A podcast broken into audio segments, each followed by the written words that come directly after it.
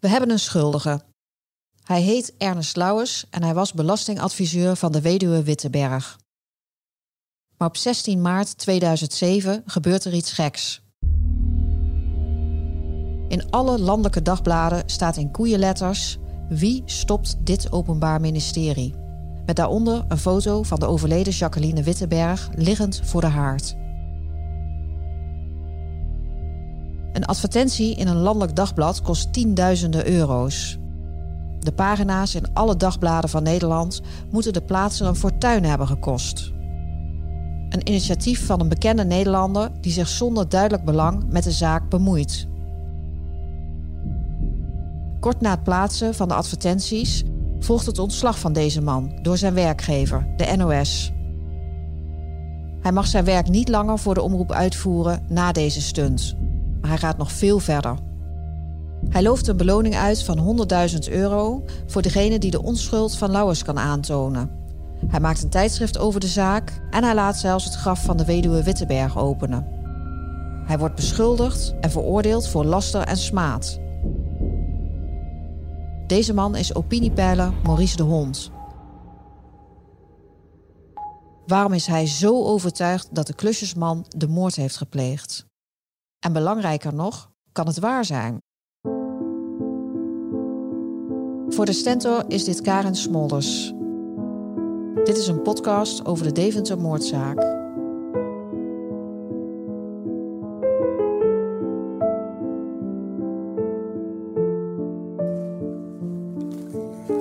Hij draait gewoon. En dan moeten we vooral... Ons geluid is niet zo belangrijk. Dus ik zet een voice dikboek Ja, ik, voor de zekerheid... eh, We zitten aan tafel bij Maurice de Hond. In zijn kantoorpand aan de rand van Buitenveldert. Met om de hoek een shabby snackbar. Ik lust wel koffie, lekker. Ik ben in 2005 benaderd door twee regisseurs die inmiddels weg waren in Enschede. eh waren min of meer ontslagen rondom de vuurwerkramp. Die zijn een eigen, een eigen recherchebureau begonnen. En dat ze in Deventer waren geweest, één, twee jaar daarvoor. En met een van de mensen uit het onderzoeksteam hadden gesproken. En eh, die had hen gezegd: deze zaak stinkt. En die kwamen op een gegeven moment terug met informatie over het alibi. Namelijk dat zoals het in twee- 1990 in het dossier stond, was het niet. Het was anders en de politie had dat ook geweten of moeten weten. Die informatie heb ik in januari 2006 naar de top van het OM gestuurd. Maurice loopt hier op de zaken vooruit en spreekt al over het niet kloppende alibi van de klusjesman. Een oriënterend vooronderzoek. Eerst vragen we ons af waarom een buitenstaander zo'n enorme drang heeft om het op te nemen voor de veroordeelde Lauwers. Omdat het me gaat om de rechtsstaat. Omdat ik misschien uit mijn menselijke, uit mijn geschiedenis van mijn ouders weet wat het betekent als je niet in een rechtsstaat leeft. Die allebei uiteindelijk in Auschwitz terechtgekomen zijn. Hebben dat gelukkig overleefd, anders zou ik er niet geweest zijn. En ik heb iets heel belangrijks van mijn vader geleerd, was de volgende. Hij zei, als er een misstand is, ik neem als voorbeeld, stel dat aan de overkant van de straat wordt een oud vrouwtje in elkaar geslagen door twee sterke mannen. En je ziet het gebeuren. Dan kan je twee dingen doen. Je kan ingrijpen en dan word je misschien zelf in elkaar geslagen of je loopt door. Beide hebben grote gevolgen. Want als jij doorloopt en je hoort later dat ze overleden is, zal je de rest van je leven met jezelf meedragen dat je niet hebt ingegrepen. Dus als iets op jouw pad komt wat zo ingrijpend is en je laat het liggen, dan moet je niet denken dat het geen consequenties heeft. En dat is eigenlijk wat mij rondom die Deventer moordzaak is gebeurd. Maurice de Hond is er heilig van overtuigd dat Lauwers de weduwe Witteberg niet heeft vermoord. De opiniepeiler begint een eigen onderzoek en lanceert een website, geenonschuldigevast.nl. De website is nog steeds in de lucht en wordt tot op de dag van vandaag aangevuld door de hond. Voor hem is het een uitgemaakte zaak. Niet Lauwers heeft een moord gepleegd, maar Michael de Jong. Door de hond consequent de klusjesman genoemd. Volgens Maurice klopt het politieonderzoek voor geen meter. Het eerste wat echt elke ervaren regisseur opvalt als je de foto ziet van de weduwe die daar dood ligt. Ja, de eerste reactie die dan is, die wordt door regisseurs ook gezegd... het lijkt wel of ze opgebaard ligt onder het schilderij van haar man. Maar het meest treffende is, als je naar de rest kijkt van wat je op de plaatsdelict doet... dan zie je in de gang allemaal sporen liggen. Volgens Maurice is de weduwe Wittenberg dus gewurgd bij de voordeur... en vervolgens naar de haard gesleept. Het eerste geweld heeft plaatsgevonden in de gang. Daar is, is ze gewurgd, is de poging gedaan om het te wurgen. En in dat geweld zijn ook haar ribben gebroken. Het kan zijn dat de dader opgevallen is of opgesprongen is. En zowel het wurgen als het breken van de ribben is al voldoende geweest voor haar om uiteindelijk daaraan te overlijden. Ze wordt dan vervolgens aan haar benen versleept tot onder het schilderij van haar man. Dat zie je aan hoe daar vest is opgerold, hoe de blouse omhoog getrokken uh, is. Um, en hoe ze uiteindelijk in daar ligt tussen een stoel en iets anders. Daar kan het geweld niet plaatsgevonden, daar was ook niet eens ruimte. En dan, wat doet de dader dan? Die voelt met zijn vinger waar de ribben zitten en steekt uh, meerdere keren in haar hart, waardoor je die evenwijdige sporen hebt. Nou, wat ik toen ook met die met ervaren regisseurs heb besproken, dat zegt veel. Dat zegt um, over uh, de achtergronden van de moord, de relatie van de dader met uh, de weduwe, de relatie van de dader met de dokter. Als er dus geen verdere, laat zeggen, fysieke noodzaak was om haar in het hart te steken, want ze was al dood. Het steken is uiteindelijk wel overwogen, heeft dat plaatsgevonden. Nou, dat betekent dat de dader een reden had om dat te doen. En de interpretatie daarvan, ja, daar is het onderzoeksteam volledig weg van gebleven. Waarom?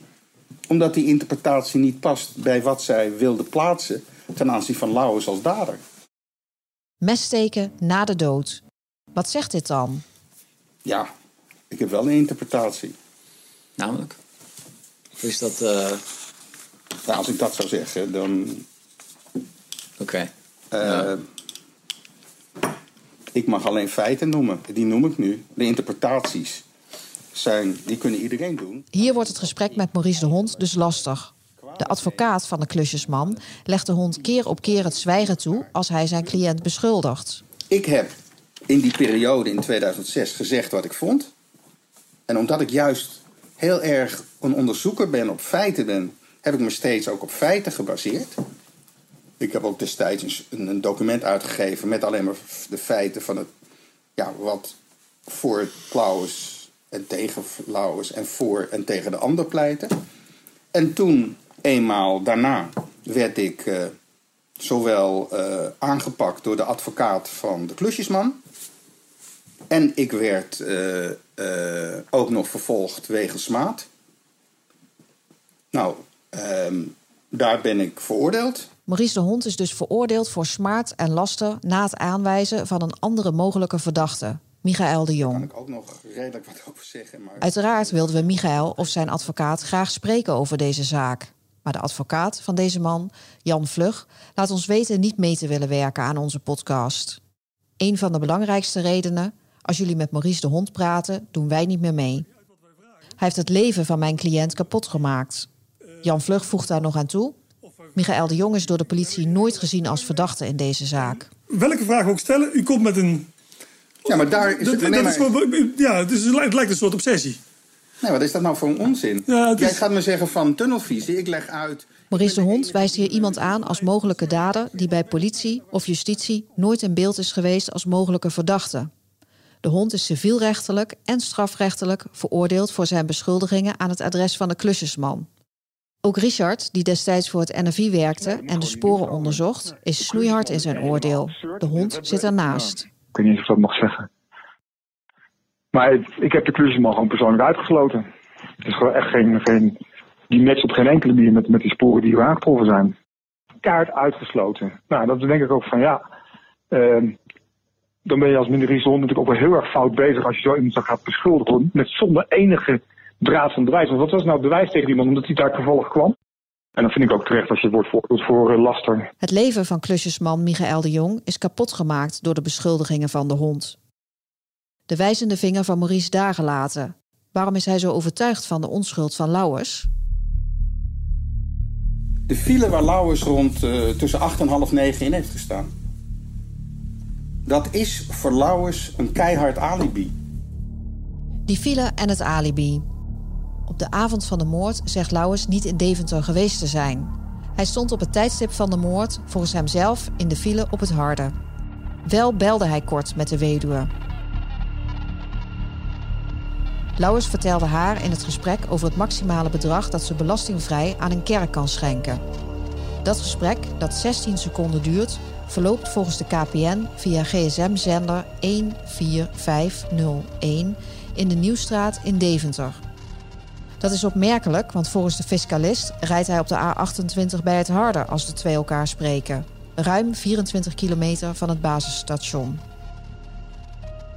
Over de aanstraling op de mast in de Nieuwstraat is tot op heden discussie. Kan het nou wel of niet als je zo ver weg bent? Volgens deskundigen is het bij bepaalde atmosferische omstandigheden wel degelijk mogelijk dat Lauwers bij het harde reed tijdens het gesprek met de weduwe. Dat systeem ja, wil gewoon niet erkennen waar ze fout hebben als ze fout hebben gemaakt. Want ze denken, in mijn ogen verkeerd, de, het systeem blijft beter overeind als we niet laten zien dat er fouten zijn, dan af en toe te erkennen dat er fouten zijn en proberen dat dat niet meer gebeurt. En ik vergelijk dat ook wel eens met de katholieke kerk. Ik denk echt niet dat het overgrote deel van de priesters uh, met kinderen verkeerde dingen hebben gedaan. Maar ik denk wel dat heel lang een beperkt deel van die priesters hebben gedaan en de rest het wist. Maar dacht, ja, het is wel heel erg voor die kinderen. Maar weet je wat nog erger is? Als ons instituut kerk uh, eraan gaat.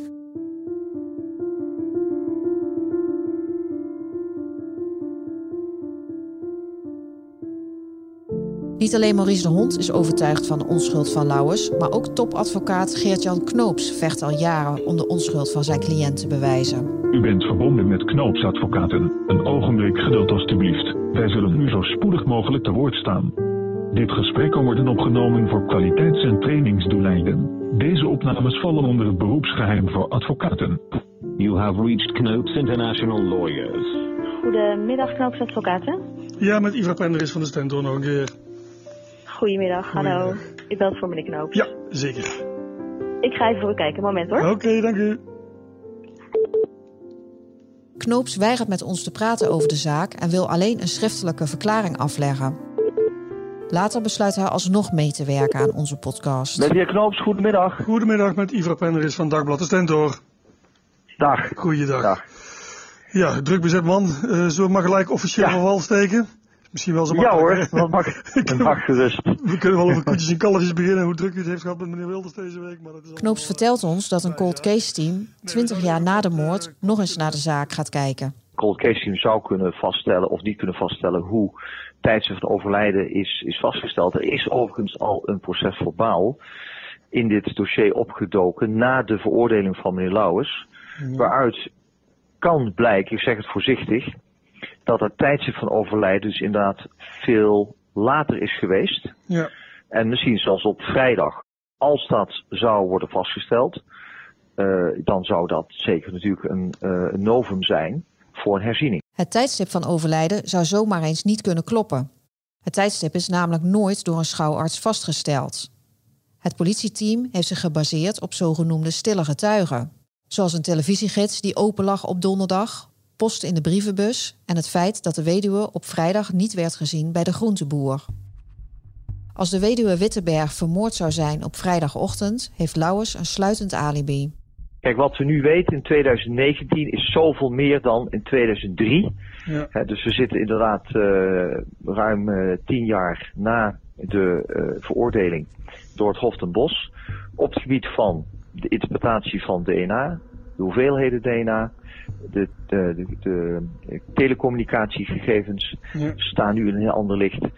En dan hebben we het ook over het feit dat er ook veel meer nieuwe foto's zijn opgedoken. Hoe er met die blouse is omgegaan. Ja. En uh, nou ja, daarnaast weten we natuurlijk nog niet wat uit het cold cases onderzoek komt. Maar um, voor ons is er, is er eigenlijk nu al voldoende aanleiding om de Hoge Raad te vragen opnieuw naar de herziening te kijken. Ja.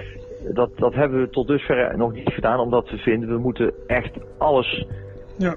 Alles moet dit keer goed en grondig worden onderzocht. Het is toch eigenlijk bizar. Los van de moord op de weduwe kent deze zaak zoveel verliezers.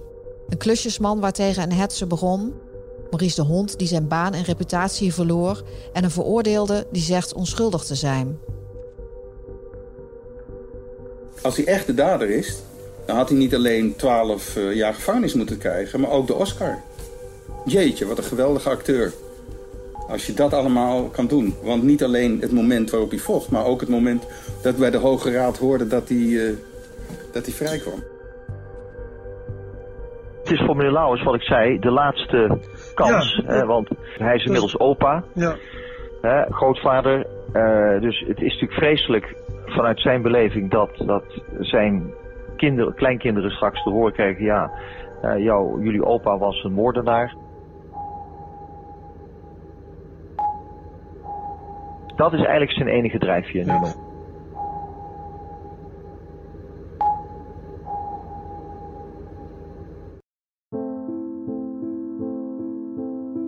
Volgende week duiken we de tegenwoordige tijd in. Het Cold Case Team is het werk van het NRV opnieuw aan het onderzoeken. Er is één man die nu een bepalende rol heeft in de heropening van de Deventer-moordzaak. Nou ja, goed. Op een gegeven moment moet ik een knoop doorhakken. Dat is een van mijn verantwoordelijkheid. Zijn naam is Diederik Abe. Zijn titel is advocaat-generaal die namens de Hoge Raad de rechtszaak tegen Lauwers onderzoekt. Je hoort hem in de volgende en voorlopig laatste aflevering. De podcast over de Deventer moordzaak wordt gemaakt door de redactie van de Stentor. Niek Verhoeven, Ivar Penris, Bas Klaassen en ikzelf, Karin Smolders. De podcast is een productie van David Achter de Molen van het Podcastkantoor.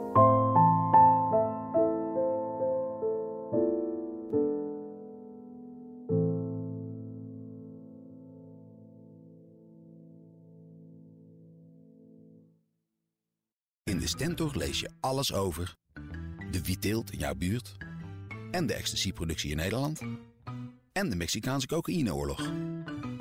De krant die het nieuws uit jouw regio, Nederland en de wereld bij elkaar brengt. Download nu de app van de Stentor en mis nooit wat voor jou belangrijk is. De Stentor, altijd dichtbij.